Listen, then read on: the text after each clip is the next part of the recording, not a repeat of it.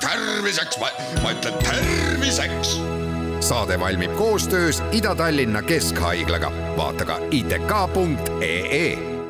tere, head Kuku kuulajad, eetris on saade Terviseks ja kui me eilses saates rääkisime müoopiast ehk lühinägevusest, siis tänasel teemal jätkame. mina olen Ingela Virkus ja koos minuga on stuudios Ida-Tallinna Keskhaigla silmaarst, doktor Kadi Palumaa, tere taas! Tere, tere! kas, kui müoopia ehk lühinägevus avastatakse liiga hilja või selle probleemiga ei tegeleta, ehk et seda ei võeta tõsiselt, siis kas võivad ka mingid tüsistused tekkida hilisemas elus? et siin nagu äh, jaotatakse müoopiat suureks müoopiaks ja mitte suureks müoopiaks, ma ei oskagi öelda, kuidas seda paremini öelda, et, et inimene, kellel on, äh, on prillid ees, kes vaatab kaugele prillidega,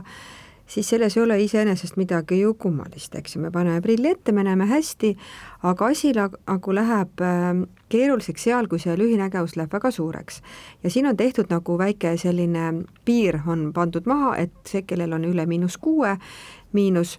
et seda nimetatakse siis suureks müoopiaks ja teine asi, mida veel lühinägevuse puhul viimastel aastatel, aga meie oleme nüüd hakanud äh, uurima, on kui pikk see silmamuna siis tegelikult on, et üks on see miinus, mida me saame mõõta, ja teine, mida me reaalselt saame mõõta, on silmamuna pikkus.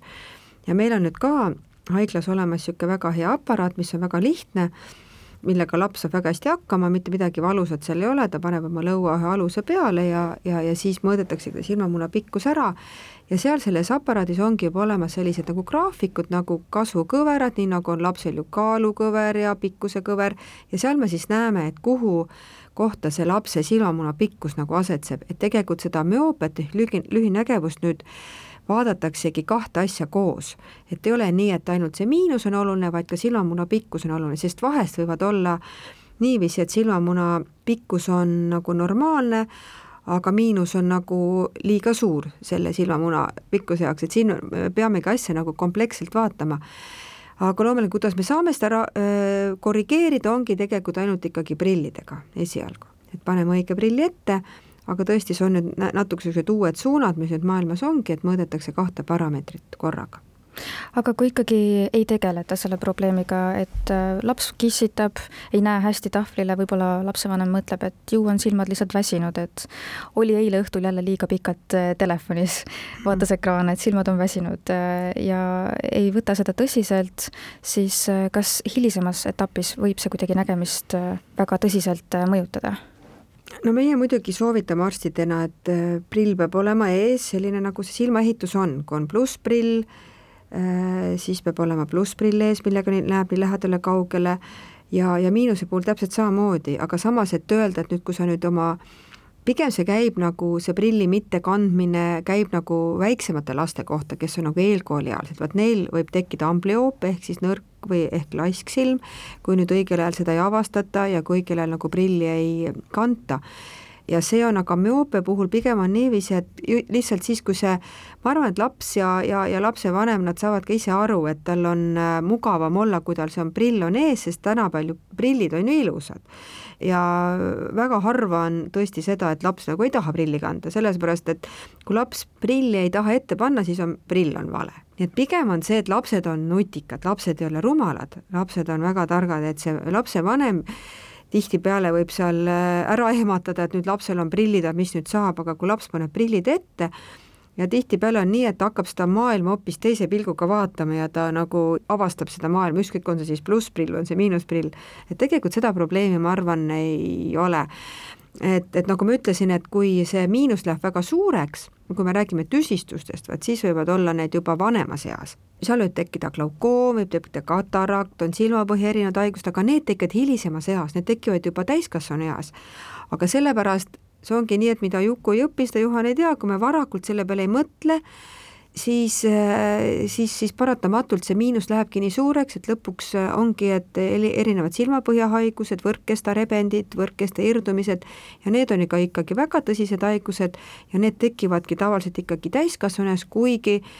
vahest võib tekkida ka ikkagi noorukeas ja, ja viimastel aastatel on tulnud ka selline huvitav asi, et ega ei ole nii, et miinus kasvab, ütleme miinus, oled sa kaheksateistaastane või kakskümmend, et siis on kõik. vastupidi, uuringud on näidanud, et isegi üle kahekümneaastastel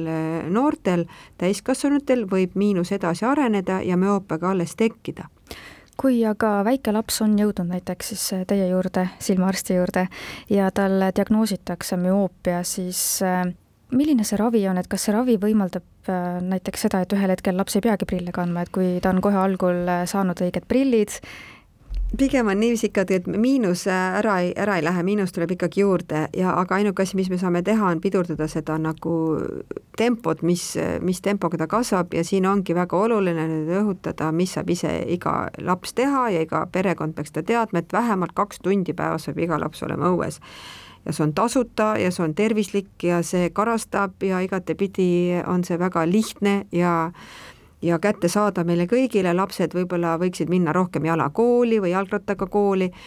mitte autoga viia uksest ukseni ja, ja teine asi, see ongi see reegel, mida me siin korrutame, et kaks, kakskümmend, kakskümmend, kaks tundi õues ja peale kahekümneminutilist, ütleme, lähitööd peaks vaatama kindlasti kakskümmend sekundit kaugusesse. et lihtsalt silmi puhata, sest äh,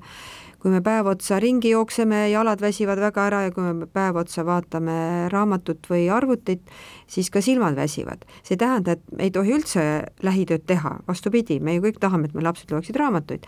aga kui vähegi võimalik, siis näiteks suveperioodil ja kui on võimalik, siis seda teha näiteks õues, loomuliku valguse käes.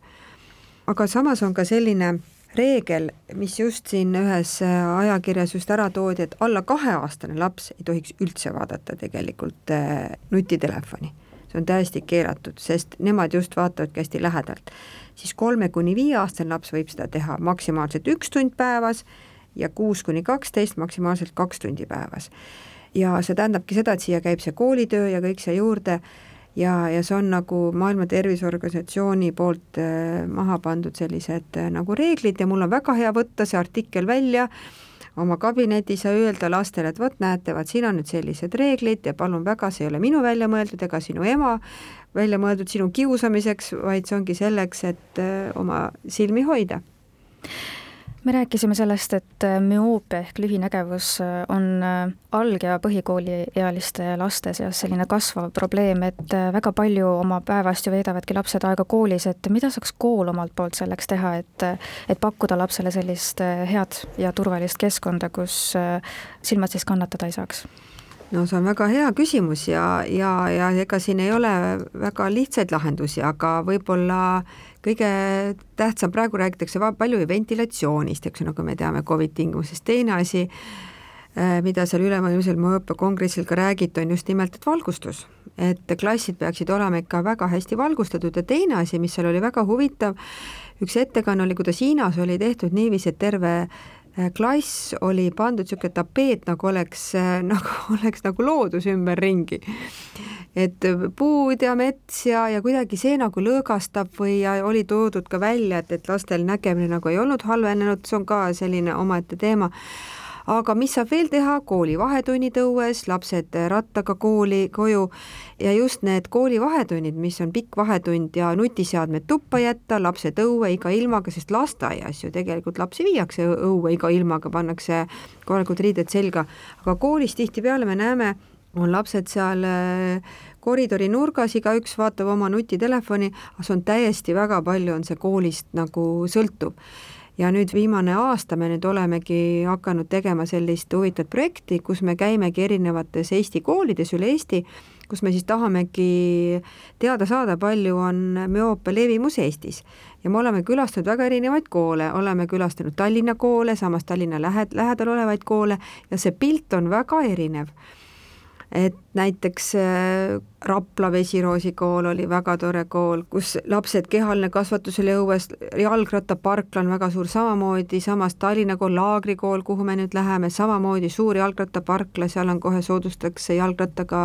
tulemist, loomulikult teine asi on, kuidas jälle nad liikluses hakkama saavad, see on jälle teine teema. ja, ja meie oma uuringusse siis võtamegi esimese, viienda ja üheksanda klassi lapsi, igas paralleelist on üks klass meil valimis ja, ja tõesti, me julgustamegi neid koole, kelle juurde me veel lähemegi nüüd külla, Rakvere Reaalgümnaasiumisse läheme, Laagri kooli läheme, Kiili kooli läheme siin lähiajal, et tuleksid uuringule kõik lapsed, kes seal klassis on, mitte ainult need, kellel on probleemid. sest äh, vastasel juhul me saame nagu, nagu ei saa nagu õiget ka tulemust et me ei tea, kuidas nendel tervetel lastel seal noh, kes arvavad, et neil ei ole probleeme, sest eh, esimesed koolid, kus me käisime, siin olid Õismäe koolid näiteks,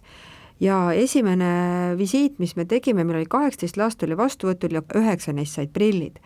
et eh, teadmata isegi, et sul on probleem, tuldi lihtsalt silmaarstile ja noh, rääkimata ka sellest, et silmaarstile saada ei ole väga kerge ja kui me nüüd oma bussiga läheme sinna kooli ette, et me pakumegi sellist varianti, et, et need koolid, kes meil seal uuringu valimis on, et need lapsed me siis vaatame üle ja teeme kõik need täpselt samasugused uuringud, nagu me silmakliinikus teeme, mõõdame silmamuna pikkust, lisaks veel äh, mis meil seal bussis on ka seesama aparaat, mis meil haiglas on ja, ja samas me oleme leidnud ka selliseid juhuleidusid, mida nagu laps ja lapsevanem ise ei teagi, et laste silmadel on. ja alati, kui on vaja lisauuringuid, siis need lapsed me saame kutsuda ka haiglasse, kus siis teha veel täpsustavaid uuringuid. Nii et meil on väga-väga põnev olnud, üks aasta meil on see projekt käinud, nüüd äh, loodame, et teine aasta nüüd käib ka. Ja, ja siis, kui me juba mingeid tulemusi saame, siis äh, kindlasti neid ka jagame siis saame jälle rääkida aitäh teile saatesse tulemast, Ida-Tallinna Keskhaigla silmaarst, doktor Kadi Palumaa ning palju jõudu ja jaksu teile! aitäh teile!